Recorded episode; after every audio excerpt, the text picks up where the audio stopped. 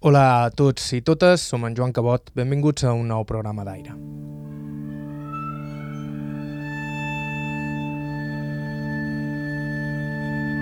Enric Majoral és un personatge reconegut a la seva illa d'adopció, Formentera, especialment al Pilar de la Mola, on es va instal·lar a principis dels anys 70 i on, amb el temps, crearia Majoral, la seva firma de joieria artesana, una de les marques més reconeixibles de l'artesania de l'illa.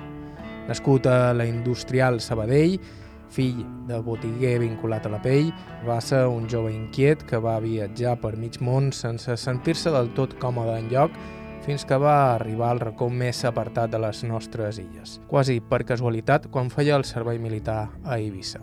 Allà hi duria tota una colònia d'amics, inclosa la que seria la seva dona, Dolors Ballester, l'altre 50% de l'empresa. Ara un projecte familiar on també hi treballen els seus dos fills.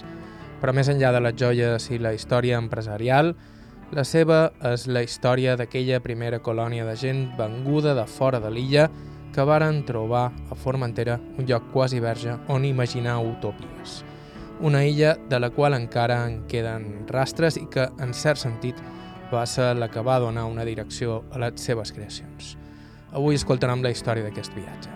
Això és Aire, estàu sintonitzant IB3 Ràdio, us parla Joan Cabot, Començam.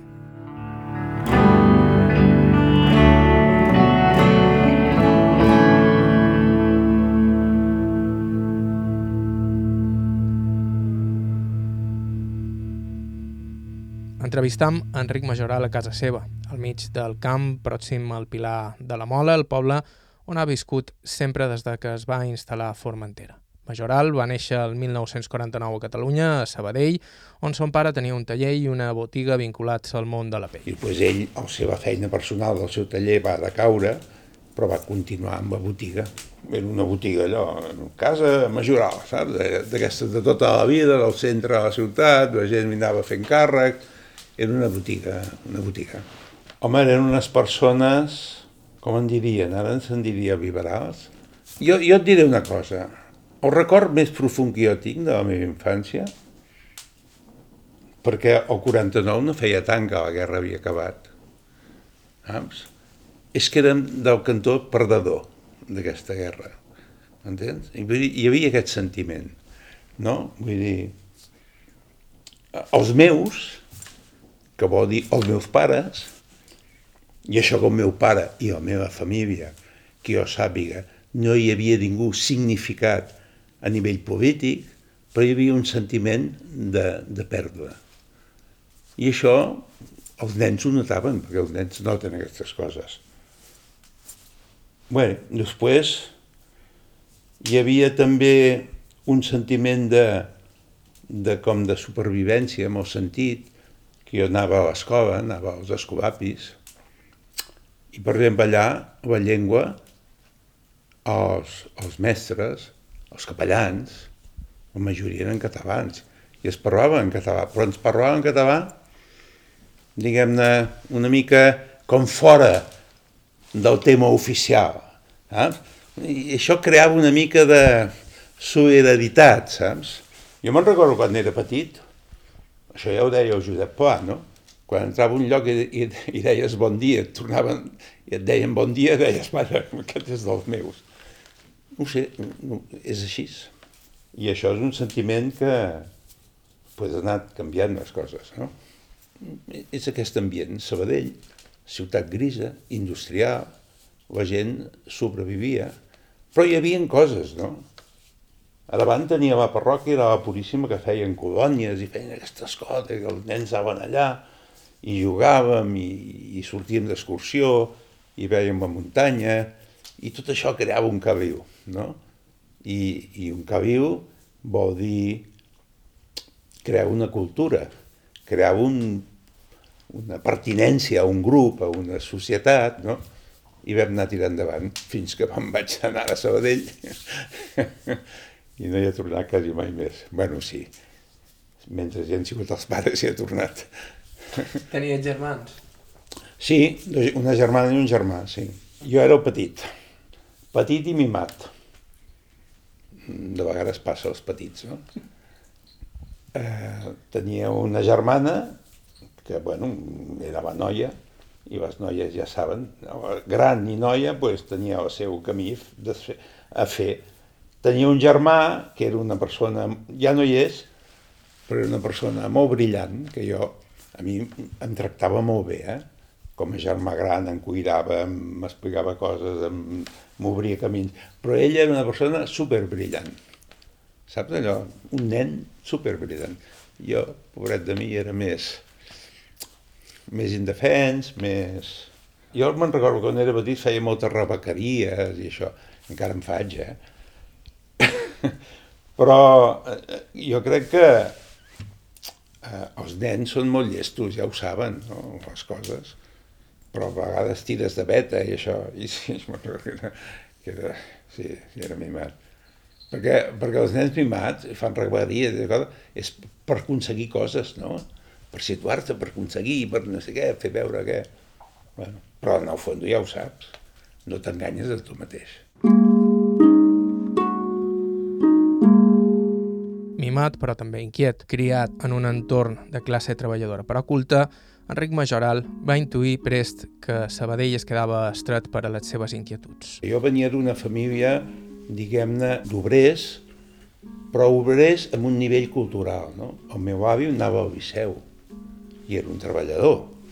Eh, el meu padrí, el meu pare era un artesà de la pell, amb un, amb un negoci propi, però un artesà. A Sabadell en aquell moment hi havia el que en dèiem els fabricants. Els fabricants en realitat eren els amos, eren la gent que tenien, les famílies que tenien les indústries tèxtils. I després hi havia tota, tota una, una segona fila. Pensa que, per exemple, jo a, a, a Sabadell vaig veure, vaig viure la immigració que va venir doncs, de, de, de tot Espanya, sobretot al principi de Múrcia, de tota Andalusia, que a Sabadell va passar, en uns anys va passar de ser una ciutat de 40-50.000 habitants a 100-150.000, degut a la immigració. Vull dir, la meva família era, era aquesta, però eren, eren obrers, diguem-ne, però amb unes, unes aspiracions, diguem-ne, no culturals, culturalitzats. No? Vull dir, la meva mare, des de petita, doncs llegia el Patufet. El Patufet era, no, no era, era, era una revista infantil, però no, és com un cavall fort, però més il·lustrat, no? Vull dir, arribava a les famílies, arribava, arribava música clàssica, no? encara que fos en gramòfon. Arribava, eh, hi havia una, una, una...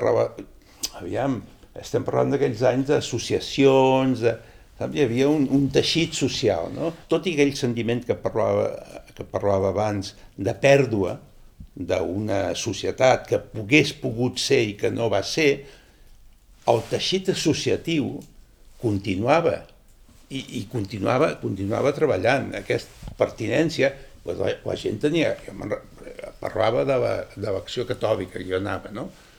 Allà, allà, allà es anava, no es anava d'excursió, es creava companyerisme, es anava a la muntanya, es creava amor, diguem-ne, pel país, hi havia, saps? Bueno, jo me'n recordo d'això. Això et fa, com, et fa créixer com a persona. A part de la teva... A més a més, ara potser les classes socials estan més marcades. En aquell moment, potser Barcelona també ho era, però Sabadell, per exemple, els, els amos, els fabricants, eren gent que vivien molt bé, eren els amos, però hi havia una relació amb els obrers com més, saps? No, no, no era ostentosa aquesta riquesa, saps? Era una cosa com més... Tothom es coneixia, d'alguna forma, no sé per què, dintre aquesta societat, el, el, el meu creixement a partir dels 14 anys, 15 anys, jo em sentia com una mica inadaptat. El món se'm feia petit, no? Tenia ganes de, de fer alguna cosa, tenia ganes de... No n'hi havia prou amb, amb, amb... Eh, estava, les coses estaven canviant saps? Jo tenia amics, aviam, jo tenia amics que treballaven en una empresa, que anaven en, en camisa i corbata per anar a treballar. Jo pues, m'anava a Andorra a comprar-me uns texans, eh? que, que, que, que a Sabadell no n'hi havia. Aviam, això és una tonteria, però és un canvi, m'entens? És un, és un, eh, hi havia una, una diferència, no? I jo, per exemple, em veia, veia noies de Sabadell que anaven en pantalons, quan cap noia hi anava. Ara ens sembla una tonteria això, però aquella època era un canvi, no? Ja, ja, ja, ja la societat canvia. I, bueno, jo em sentia inquiet i no sabia ben bé el que volia fer. I, bueno, després vam, vam començar doncs, a viatjar, eh, vaig fer un viatge a l'any l'any 68, vam agafar tres amics un cotxe i ens vam anar. Eh, però el 68, mira, pues, quan a Praga, o a, a, a Praga, Txecoslovàquia, que en aquell moment és Txèquia, Eslovàquia, en aquell moment Txecoslovàquia, va haver-hi el maig del 68, nosaltres estàvem a Praga. Estaven entrant els russos, vam tenir, sortir corrents cap a Alemanya. Vam continuar fins al cercle polar àrtic, això amb un dos cavalls. Saps? Vull dir, bueno, vull dir, això de Sabadell, que allà al 68 era una mica així. Al 69, en, amb aquest, aquests tres, més dos més, en, vam agafar un cotxe i ens vam anar a la Índia, en cotxe. Eh? Passant per Turquia, Iran, Afganistan, el Khyber Pass, eh? Kabul, que Kabul, jo veig, bueno, veig imatges ara, i, i sense els Kalashnikov, sense aquesta violència de guerra, però era el mateix, eh? el que vaig veure, aquella societat no ha canviat, van vestits iguals, i i bueno, jo d'aquest viatge sempre dic que quan vaig arribar a Estambó vaig obrir la boca de sorpresa. Ah, vinc de Sabadell, eh? Ciutat gris, industrial, uns nivells així. I no la vaig tancar fins que vaig tornar, saps? Vull dir, aquells eren anys de moviments i canvis, geogràfics, polítics i culturals, arreu de tot el món i a tots els nivells. Va haver-hi, eh, a part del de, de, de maig de Txecoslovàquia, va haver-hi un maig de París, el 69 Bomber va arribar a la Lluna, eh, estava, el, el moviment hippie havia començat en potència, eh, el món de les drogues havia entrat en el, en el moll, amb la joventut, la gent viatjava, eh, hi havia una idea de que el món es havia de canviar, eh, que, que les velles estructures aquestes que ens encasillaven, eh, una, les coses tenien de ser així, així, així, doncs es tenien de trencar i la gent jove en aquella època doncs ens hi apuntàvem, ens hi, ens hi llançàvem i creien que el món que el món tenia de canviar. I hi ha gent que ho feia des d'un activisme Eh, polític, un activisme social, eh, jo, en, després en un futur, ja diguem-ne des d'aquí Formentera, amb a Dolors, doncs vam creure que una forma de nosaltres de canviar el món és mm, actuar d'una forma diferent, viure d'una manera diferent als mòduls, el, diguem els models estàndards i establerts. I, i diguem-ne que ha sigut diguem la nostra participació, aquest canvi cultural. Jo també en sentia aquella època, aquestes inquietuds, no eren unes inquietuds artístiques o de creació, perquè això sembla que ha sigut casual, no? Eh, en sentia una mica com inadaptat, no? En la societat sabia que tenia de fer alguna cosa, però no sabia exactament el què, no? Per exemple, tots els meus companys, en aquella època, pues, clar, el més fàcil era militar amb un moviment polític. El PSUC, tothom es feia el PSUC. Jo mai he sigut de cap partit i penso que mai ho seré. O sigui, sempre m'he sentit com una mica... Mira, recordo en aquest viatge que vam fer a Praga, que vam anar a parar eh, a, una, a la Universitat de Praga. A l'estiu, la universitat ho, fa, ho, ho fan servir com d'alberg juvenil. Eh? Estem parlant d'un món comunista, no? pues qui hi havia en aquest alberg? Doncs hi havia gent de tot el món, africans, cubans, tot el món, diguem-ne, de l'àrea socialista comunista, no? que anaven a passar vacances allà. I me'n recordo que vam, bueno, allà de, als vespres hi havia ball, hi havia música, la gent ballava, i vam conèixer un, un grup d'estudiants de, russos que, que, acabava, que era com un viatge de fi de curs de carrera pues parlaves amb aquella gent i un era, uns eren arquitectes, l'altre eren enginyers, eren gent formada, no? Gent que eren més grans que jo, que devien tenir 22, 23 anys això, no? Però, esclar, començaven a preguntar coses, Espanya, Espanya, que, que sou espanyols, però no van descalços a Espanya, no sé què. Però al mateix temps tu estaves fumant un cigarro, un bisonte, que era, que era un bisonte, era un tabaco que era arròs. Ah, però això és americà, jo, deixa'm provar un, no sé, no sé quan. I després s'andaven a dormir, hi havia un senyor que acompanyava les noies i les tancava en clau. I, jo deia, escolta, aquesta gent d'on ve? O sigui, aquesta gent et saben calcular un pont d'aquí i allà perfectament, eh? són enginyers, però no saben res del món, estan enganyats. O sigui, si per això del comunisme a mi no m'interessa, entens? O sigui, no m'interessa ni això, ni... sempre m'he mantingut una mica part d'aquest... Eh, I això ho relacionava amb, aquest, amb, aquest, eh, amb aquests anys que a Catalunya o a Barcelona o militaves políticament o no eres ningú, quedaves apartat. Bé, jo vaig quedar apartat i encara ho estic. Tots aquells viatges, però, varen consolidar en ell una visió del món que en cert sentit el va preparar per sentir que havia trobat el seu lloc el dia que va arribar a Formentera per primer cop. Sí, em va fer donar una cosa. O sigui, si tu ets un noi que ha sortit de Sabadell, que pertanys a una cultura, per mi la catalana és la meva cultura, està claríssim, la meva llengua, i et trobes a Nova Delhi, o et trobes a la Índia, rodejat de 400 de, de milions d'índios, dius, bueno, els problemes són relatius, entens? El món és molt gran, hi ha molta gent que, que té inquietuds, i els teus problemes posats aquí, són, eh, eh, tot és molt relatiu. Entens? Els valors s'amplien. Però després també vaig entendre una cosa. Viatjar és molt bonic. Intentar convendre altres cultures també. Conèixer gent d'altres cultures també. Però l'autèntic viatge és l'interior. Jo crec que el que has de fer és tornar a casa i reflexionar una mica. I després va ser quan, bueno, sí, vaig tornar, vaig tenir d'anar a Bamidi, i això és un tall que en aquell moment era molt difícil evitar-ho, tenia de fer-ho, l'objecció consciència i tot això va començar, va començar després.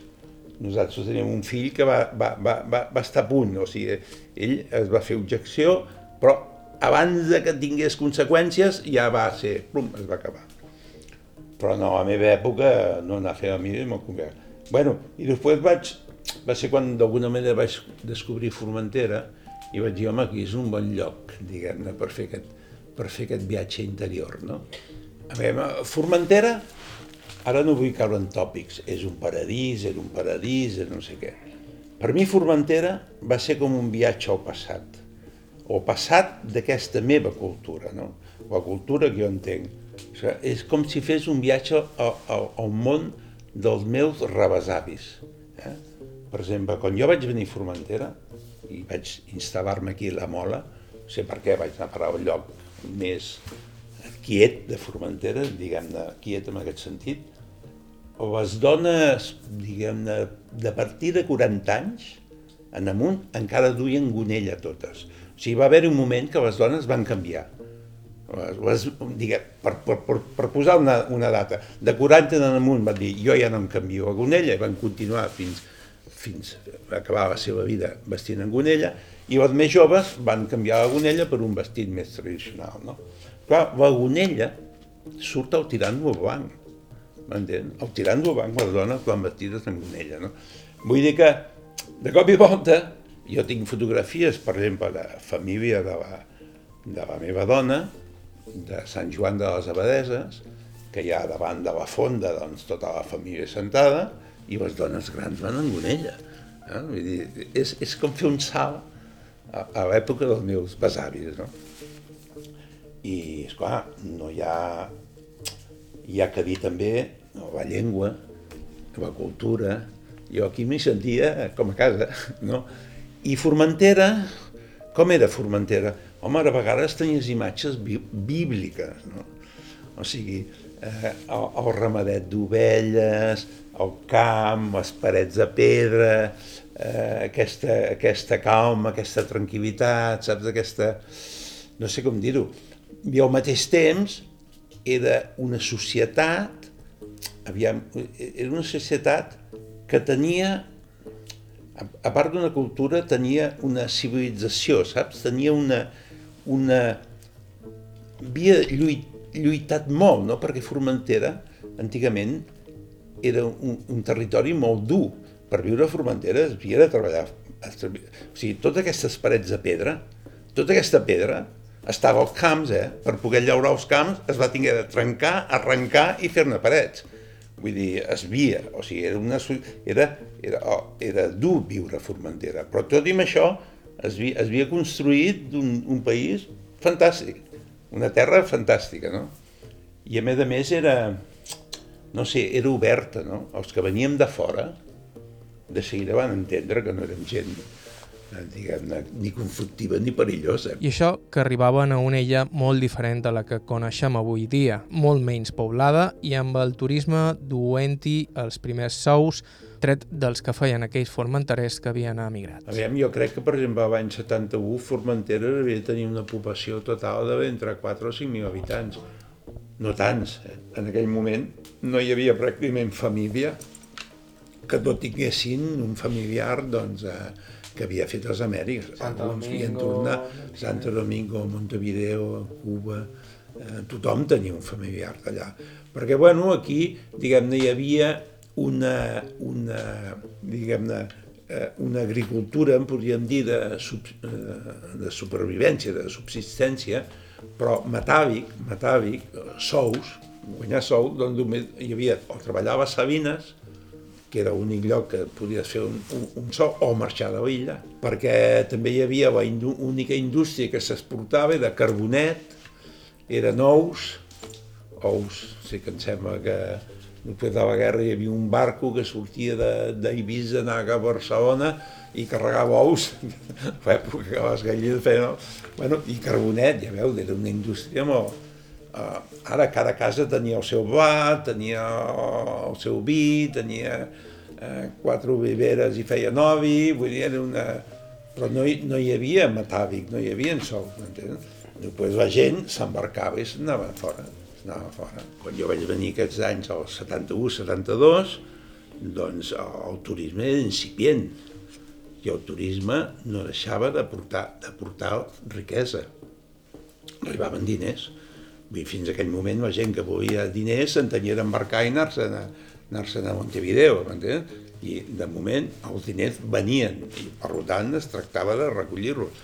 Això va transformar, bueno, socialment, ha transformat Formentera d'una manera, bueno, Mallorca potser eh, aquest canvi i Menorca no ha sigut tan sobtat, ha sigut molt més lent. A Mallorca sempre hi ha hagut una, una, diguem-ne, aristocràcia d'alguna manera, hi ha hagut una, una classe... Eh, és diferent, no? Però a Eivissa i Formentera estaven com molt deixades de la mà de Déu, no? Estaven molt d'allò. I després el turisme realment va ser la primera font important d'ingressos que va fer canviar la societat. També Enric Majoral i la seva dona Dolors formarien part d'aquest canvi però encara seria més forta la petjada que l'illa deixaria en ells.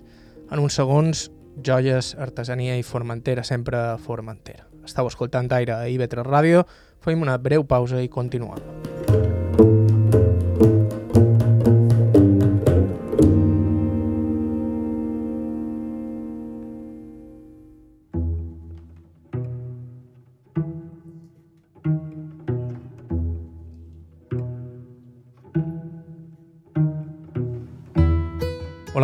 Som en Joan Cabot, estàu escoltant TV3 Ràdio i això és Aire.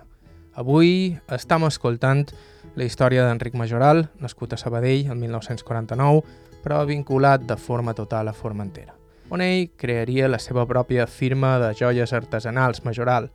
Com ens explicava abans de la pausa, quan ell va arribar a l'illa, gairebé no hi havia turisme, però ja s'hi estaven instal·lant els primers hippies, que convivien amb una gent que fins llavors havia duit una vida realment humil i sense sobresalts. A mi em sembla que hi havia una bona... va haver una bona relació. Tot i que als anys 70 la Guàrdia Civil va fer una mica de batudes i, i perquè, bueno, hi havia, hi havia, molta, hi havia moltes cases velles que la gent com que ja s'estava ja, ja s'estava transformant la societat, ja, ja el turisme ja estava funcionant, dir, ja estaven entrant diners, molta gent doncs, es feia cases noves, pues, les cases velles doncs, les llogaven, eh, s'omplien d'estrangers que passaven una temporada aquí. Jo haig de dir que potser quan nosaltres vam venir ja hi havia algunes famílies que ja estaven com marxant una mica. Eh? I, però va venir gent nova. Eh, què creava això? No sé com dir-ho, creava, un, un, una, creava com, una, com una societat com molt cosmopolita.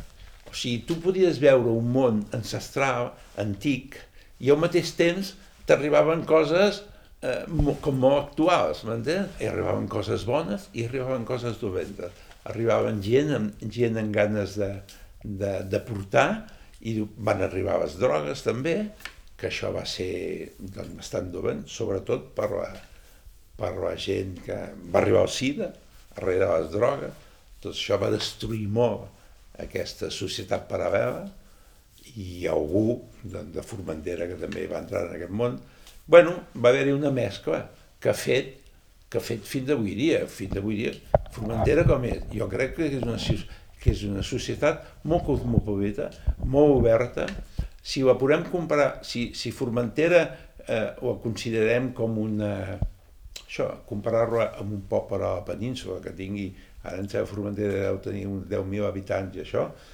pues, el nivell, diguem-ne, cultural, d'activitats, d'associacions, de...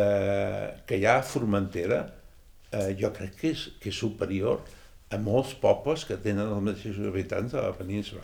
Pensa que el, el, el, diguem-ne, el sistema associatiu de Formentera doncs, va parar projectes urbanístics importants com va ser el càmping, com va ser l'urbanització de Camp Marroig, o sigui, hi, hi va anar tota una, tota la societat, eh? hi, havia, o sigui, hi havia, hi havia un acord entre totes les associacions, des de pescadors, hotelers, bueno, vull dir, que defensaven una mica una forma de ser, una forma de... O sigui, defensaven un territori, no? I això encara existeix, no? Eh, per exemple, des de fa 14 o 15 anys, no sé quants anys, doncs gent per Formentera està al Consell de Formentera.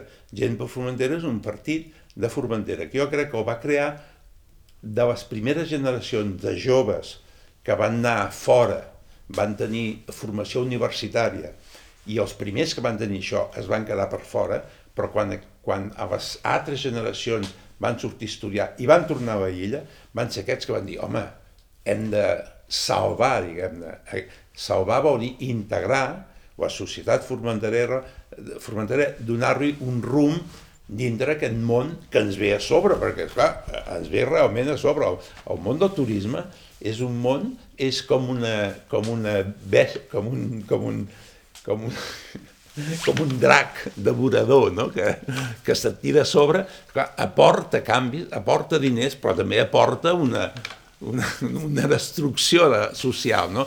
I Formentera això ho, ho ha aguantat bastant bé, eh? Tu encara reconeixes Silla que te vares traslladar? Sí, home, el món en general ha canviat, ha canviat molt. Formentera sí. no està... Forma, fins a nova notícia forma part del món. Sí, sí, no, i forma part del món i està al centre del món, diguem-ne. Vull dir que Formentera està al centre... I a més a més, ara, eh, és que ve gent de tot el món que vol, que vol venir a Formentera. Vull dir, està de moda Formentera. I a més a més està passant una cosa, diguem-ne, Formentera ha tingut una gran sort que eh, tenia pocs recursos. Per exemple, recursos d'aigua no en tenia, en tenia molt poc.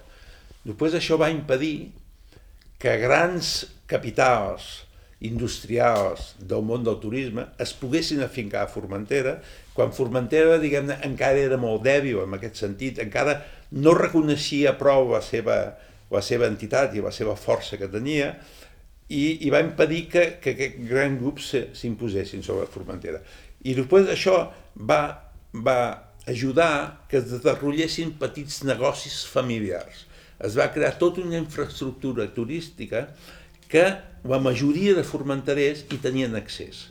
Eh? O sigui, qui va poder va muntar el xiringuito, qui va poder va fer un apartamentet, i qui va poder va fer cinc, qui va poder va posar un negoci de lloguers. O sigui, no va ser in, empreses que van venir de fora, venir, posem lloguer, vinga, posem aquí mil cotxes, no, sinó que en mica en mica, en mica en mica, i això ha, ha, ha creat un desenvolupament turístic però que ha arribat a quasi totes les famílies. O sigui, totes les famílies de Formentera han pogut, han, han pogut accedir a aquest canvi social i a aquest, diguem-ne, aquest canvi de riquesa. No?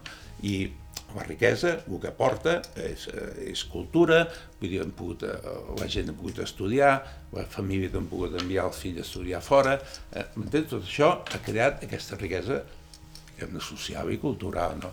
Ara què està passant? Ara, clar, com que Formentera s'ha convertit en un, en un carmel tan apetitós i, i ve gent, tot vol, vol venir gent de tot el món, doncs comencen a venir empreses de fora que comencen a adquirir negocis i comencen a canviar una mica aquesta cosa autèntica que tenia Formentera, que havien creat els propis formenterers i gent que havia vingut de fora, que havia portat coses, no sé, des de nosaltres, no?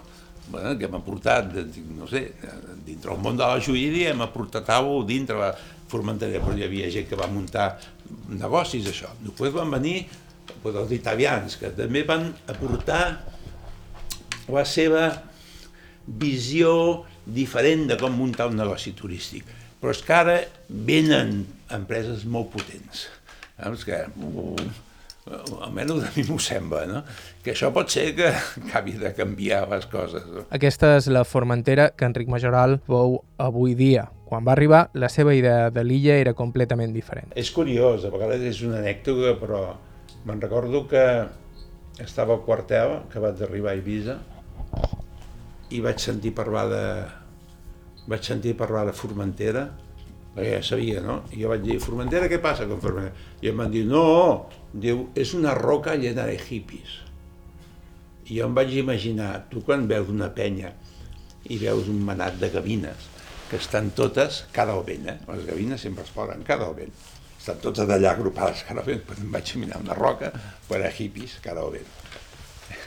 la meva imaginació. I vaig pensar, això ho vaig, ho vaig anar a veure, i quan vaig poder escapar, doncs vinga, vaig agafar, no sé si la Joven d'Ores o a San Francisco, no me'n recordo, cap aquí vaig llogar una, una bicicleta i nyic, nyic, nyic, nyic, vaig anar fins al faro, hi havia un aquell silenci, tenia, tenia, vaig girar i vaig tornar a agafar, a tornar-me, i ja em va, em va encantar. I em va, em va, em va, em va enamorar, d'alguna manera, em va...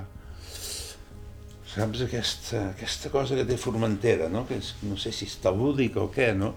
Que o t'enamora o, o et fa fora, no? A mi em va enamorar, em va agradar. I després, després vaig pensar, bueno, com que en aquell moment jo eh, havia, eh, havia viatjat, havia no sé què, eh, els estudis eh, mig acabats, eh, la feina no, que tenia per Barcelona no m'interessaven. Mm, vaig acabar la meva i vaig dir, t'has de quedar per aquí. A Eivissa hi havia un moviment, allò, diguem-ne, contracultural, per no dir hippie, molt viu en aquell moment, eh? en l'any 71-72, no? Hi havia artesans venent allà a les voltes de, del rastrillo, jo anava allà, ho mirava tot i deia, això és un món diferent, no? I t'has de quedar aquí, t'has de quedar aquí uns quants dies i, i, i bé, i després, eh, bueno, algú havia parlat d'un home, un home d'Antoni Gravellavet, que estava per aquí Formentera, un amic que venia d'Eivissa, que el coneixia, venia cap aquí, sabia que el Pau Riba estava aquí a la Mova, eh, eh, sabia que un amic meu de, de Sabadell, el Toni Taubé, que és un pintor que ara viu a París, bueno, viu entre París i Formentera, doncs estava treballant aquí. Ell, jo el coneixia de Sabadell, era aparellador i estava treballant en un hotel, un hotel va Mola, construint un hotel va Mola pues, acabo a Mivi i, i el vaig a veure i dic, Toni, eh, vull feina Formentera, diu, demà mateix comença.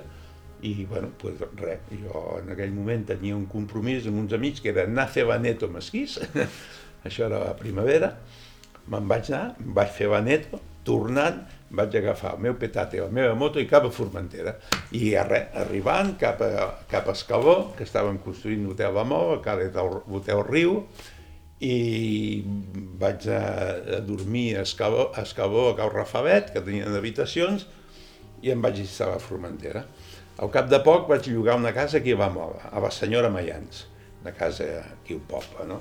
La senyora Mayans em va mirar, em va repassar el baix, va dir, va, estava llogo.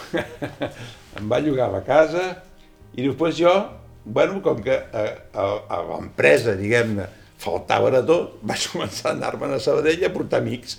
I al cap de poc ja érem 15 a casa i tots treballàvem. A... I a partir d'aquí va passar que aquell estiu, cap de pocs mesos, bueno, la Dolors va venir, com que era de Sabadell, també va venir de, de vacances, perquè va passar molta gent de Sabadell, i allà la vaig conèixer, i vaig dir, mira, quina noia més guapa. I, no, més o menys van així, no? Sí. Aquell estiu ens vam veure, ens vam veure, i ja està, i a partir d'aquí doncs vam, vam muntar aquest projecte comú que ha continuat fins ara a Formentera. I amb la seva dona Dolors va crear Majoral, la firma de joies artesanes, un projecte que, quan te l'explica, sembla en part fruit de la casualitat o, més ben dit, un efecte col·lateral d'un projecte de vida amb un eix claríssim, Formentera mateixa. Primer vaig al 71, vaig venir al 72, després del 73 ja vam començar a venir amb Badolós, o sigui, a, a, a viure amb Badolós, a crear la unitat, que no ha sigut una unitat familiar, no? I primer, primer era construir un, un món construir una família, construir una, una cosa a Formentera. Pensa que després vam estar doncs, 9 o 10 anys sense, pràcticament sense, sortint poc a Formentera, no? però aquí vam tenir els fills i aquí vam eh, començar l'inici de, del negoci, vam provar diverses coses, jo em vaig decantar de seguida pel món aquest de l'artesania, m'hi sentia hàbil i, i, i trobava facilitat i aquí és on em va, em, em va venir aquesta, diguem-ne, aquest aspecte creatiu. O sigui, quan jo vaig encarar el que ara és el, el negoci de la joieria, que en aquell moment eren manualitats, no volia, no volia diguem-ne, una cosa, fer una cosa eh, per vendre als turistes que em permetés viure. Volia fer una cosa que, fos, que tingués una mica d'interès, no? que fos interessant per mi. No? Eh, jo sempre dic que perquè un treball, perquè un treball no sigui avorrit, no se't torni avorrit, ha de ser una mica creatiu. No? Si és creatiu, sempre és estimulant i és interessant i fa que no se't torni avorrit. Per tant, sempre hi vaig intentar posar, amb bonament el que jo tenia, un aspecte, diguem-ne, creatiu, esforçant-m'hi, no? I d'aquí em veu, no és que tingués inquietuds abans, eh, creatives, vull dir, em, em, va ser com una necessitat de negoci. No sé si m'explico. Vareu començar, vas començar així? Sí, bueno, els primers temps, eh, els primers temps treballava per un arquitecte, perquè et dic que jo havia estudiat eh, aparellador, després treballava per un arquitecte, eh, el, el primer treball va ser treballant aquí a, la, a l'hotel Riu de Moda, allà era bastant, bastant, bastant heavy, diguem-ne, bastant bastant interessant, es coneixia molta gent. Però bueno, és igual, de seguida eh, era un món que no m'interessava. I després, esclar, a mi, Formentera m'agradava en aquell moment com era, no? com estava. No? I, i no m'interessava, diguem-ne, treballar en el món de la construcció, el trobava molt, molt agressiu, molt ruda, molt, eh, molt, eh, un lloc molt fàcil per, per fer-hi diners en aquell moment. No? Però no era l'objectiu principal. L'objectiu principal era viure a Formentera, eh, crear una família a Formentera i d'alguna manera eh, sentir-te amb, aquest, amb aquest pas, de, amb aquests anys de diferència, diguem de trencar una mica amb, amb la societat, diguem actual que hi havia, eh? quedar-te com una mica en marxa, i una manera de trobar un treball que poguessis fer cara d'això era l'artesania.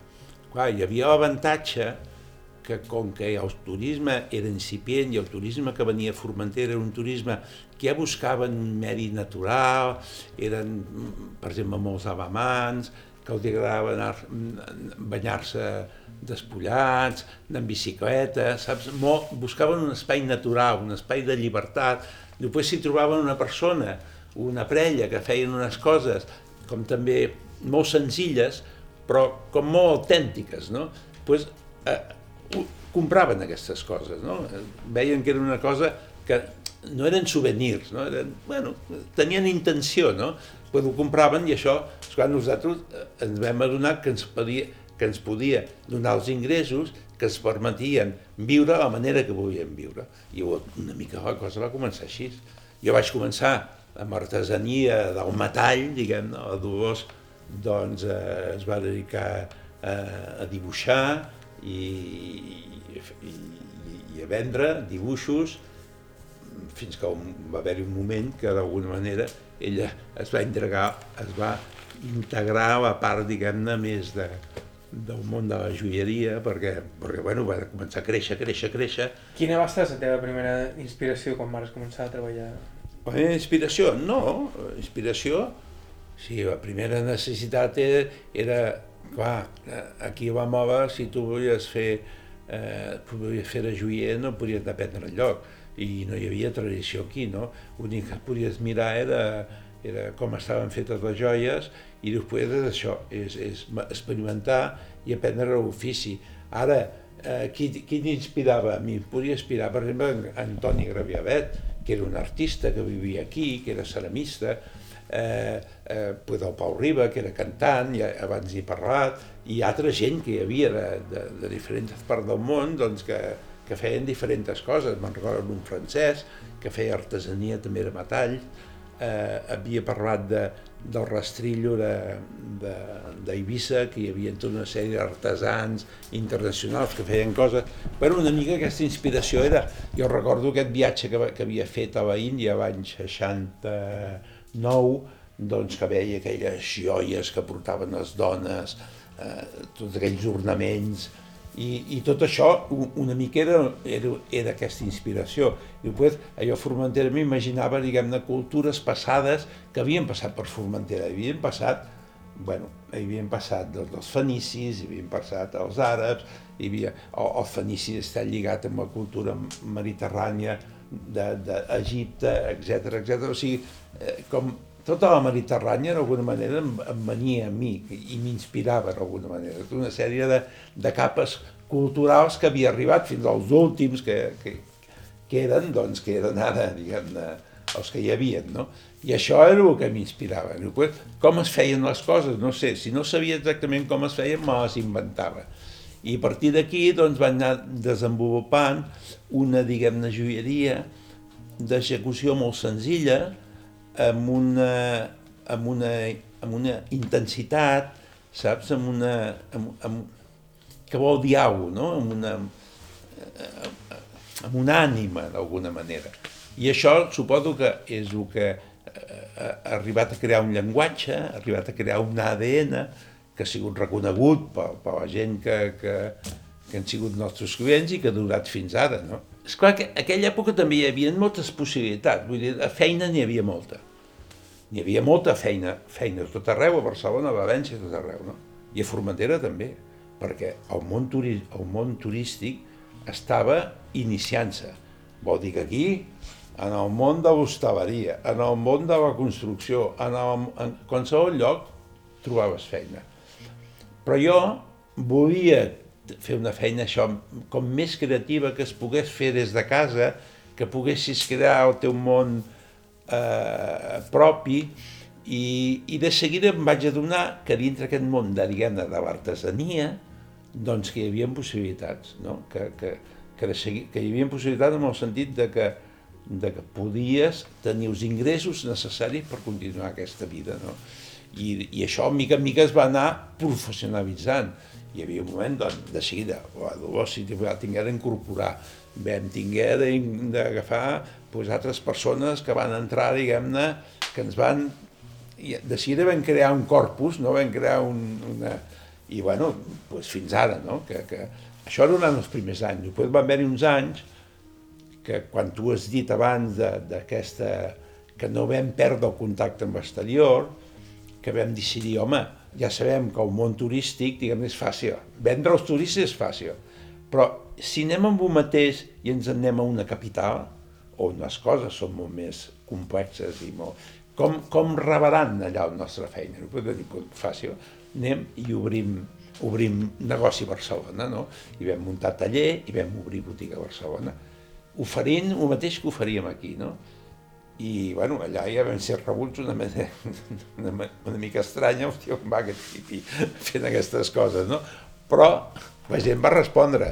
I a partir d'aquí, durant molts anys, doncs, diguem, de Majoral, com a marca, ha, ha, sigut, ha, ha tingut els dos centres, Formentera com a centre creatiu i Barcelona, taller, en taller Formentera i taller Barcelona. Nosaltres durant molts anys hem, eh, viatjàvem entre Formentera i Barcelona, Formentera i Barcelona, ara també ho fem, però ara des de fa anys, vol dir que nosaltres vivim a Formentera, eh, i anem de tant en tant a Barcelona, hi ha, hi ha perquè clar, a més a més això s'ha convertit en, un, en, una, en, una, en una empresa familiar, no? Hi treballo jo, hi treballo el Dolors, hi treballa la Sabina i el Roc, que són els nostres fills. Tots estan involucrats. El Roc porta el taller de Barcelona, el Roc està, diguem-ne, dintre el món del disseny, doncs, jo què sé, diria que totes les últimes col·leccions que surten de, de Majoral, doncs eh, el 70% estan dissenyades per ells, no? per ell. Però sempre amb una intenció clara. Un mig camí entre l'art i l'artesania, un equilibri irresoluble on ni tan sols el mateix cap de la marca té clar qui va guanyant. Jo encara no t'ho sé contestar ben bé, diguem-ne, saps? Perquè és una cosa que se n'ha parlat tant que, que no sé que no sé ben bé què dir-te, no? Aviam, com t'ho diria? Abans les coses estaven molt separades, eh? Clar, hi ha les arts, les arts allò, la música, la pintura, no sé què, la poesia i després hi havia les arts aplicades. Ara el món de la creativitat i el món artístic està com molt més barrejat i molt més mesclat, no? Hi han coses que són interessants i que diuen coses a la gent i hi han coses que no tant i, i a partir d'aquí em sembla que no sé, no sé com explicar-t'ho més, no? Jo només sé que, eh, que sempre, tornant al que deia, sempre he intentat que la meva feina volgués dir alguna cosa. I sempre he estat buscant dintre meu, o dintre el món que m'envolta, una inspiració per transmetre a les meves obres. No? Si això d'artesania, jo crec que és artesania, no? però artesania creativa. Perquè l'artesania, és clar, és allò... Hi ha una artesania tradicional doncs, que ve de molt antic, i que sembla que no, tinc, que no tingui d'evolucionar. Jo crec que tota l'artesania té d'evolucionar, entens? Perquè si no és repetir una cosa... El que passa que quan una cosa era, era, era vàlida, s'inventava, l'artesania inventava una cosa per cobrir una funció, no? Mentre era vàlida i cobrir aquesta funció, perfecte, però en el moment que hi ha o nous materials o nous sistemes de fer les coses, allò té de canviar i això pot passar fent espardenyes o fent joieria, m'entens? Vull dir, jo, per exemple, jo me'n recordo quan els primers temps d'anar a Barcelona i això, doncs vaig entrar a Orfebres FAT, que diguem, en aquell moment era, era una, una associació integrada dintre del FAT, el foment de les arts decoratives, i això, que era el foment d'art i disseny, i, i, i bueno, clar, hi havia, doncs, hi havia els dissenyadors, estic parlant del món de la joieria, els dissenyadors, no? que pensaven que un bon disseny eh, té de ser un disseny que després té de ser reproduït 10.000 vegades. Després hi havia els més artistes, que deien que no, no, que es tenia de fer peça única. Una peça d'una amb una, cada una diferent, això allò, perquè era com és artístic. Això et movia, els dissenyadors tenien intenció d'arribar, diguem-ne, a tota la societat, socialitzar aquest disseny, no? com, com va saber fer doncs, el món de, de la moda, el món del mobiliari, l'arquitectura, etc. No? Pues, els altres, eh, els més artistes, doncs, volien moure's dintre de galeries d'art especialitzades en joieria, que en aquell moment era molt difícil, ara ara n'hi ha més, hi ha tot un moviment d'això, i, i, i nosaltres estàvem entremig, perquè ens hi hem acostumat a fer un treball creatiu, però al mateix temps que es venia, perquè ens hi hem acostumat a viure aquest treball. Després, clar, per, per alguns eren massa comercials. Si eren comercials no podíem ser bons, no podíem ser artistes. No? I, I per altres érem, érem, érem massa artistes, per tant no érem comercials, diguem-ne, per altres, diguem-ne, per gent que es podia interessar pel nostre producte per comercialitzar-lo més i tu deies, no, no, jo vull mantenir dintre uns, això, per exemple, pues, pues, no, aquest tio és massa, massa vitista, vol fer una producció massa petita, i pels altres és massa comercial. I bueno, aquest dilema sempre ha existit i sempre existirà. I em sembla que avui dia les coses són com obertes, lliures, i tu fes un treball i si és bo, mm, tira endavant, i si no és bo, ara com, com el nomena, pues, no ho sé, art, artesania... De tota manera, a mi em preguntes si tu, tu què ets, jo dic que sóc un artesà, això està clar. La impronta de la mà, la impronta de l'artesania, en realitat és una mica és un luxe, és un luxe. No són les mans que treballen, no? És una mica és la teva ànima que treballa. Les mans es belluguen a través d'un cervell, i el cervell eh, són uns sentiments i són d'això, no? I, i diguem-ne que l'artesania, per fer una artesania es necessita, eh, es necessita eh, mans, eh, intel·ligència i cor, saps? És una mica... Això torno, diguem-ne, al principi, no? Una feina, tenir ser, de ser una feina, una activitat humana té de ser més creativa. Facis el que facis, eh? té de ser creativa. No? I si és creativa, avança, progressa i, bueno, i fa la vida que no sigui tan avorrida. Per molt que algú pogués pensar el contrari, la vida de Formentera mai ho és. I si ho és, ho és en el bon sentit. Mm -hmm.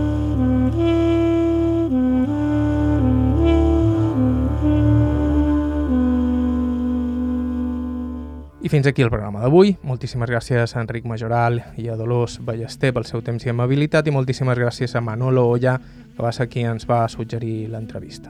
Us recomanam, com sempre, que vos subscriviu al nostre podcast a qualsevol dels agradadors disponibles o que consulteu el nostre arxiu a ib3.org barra carta.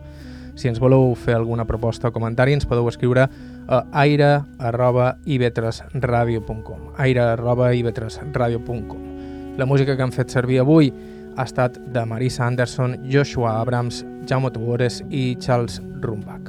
Bàrbara Ferrer, la producció executiva, us ha parlat Joan Cabot, gràcies per ser a l'altre costat i fins la setmana que ve.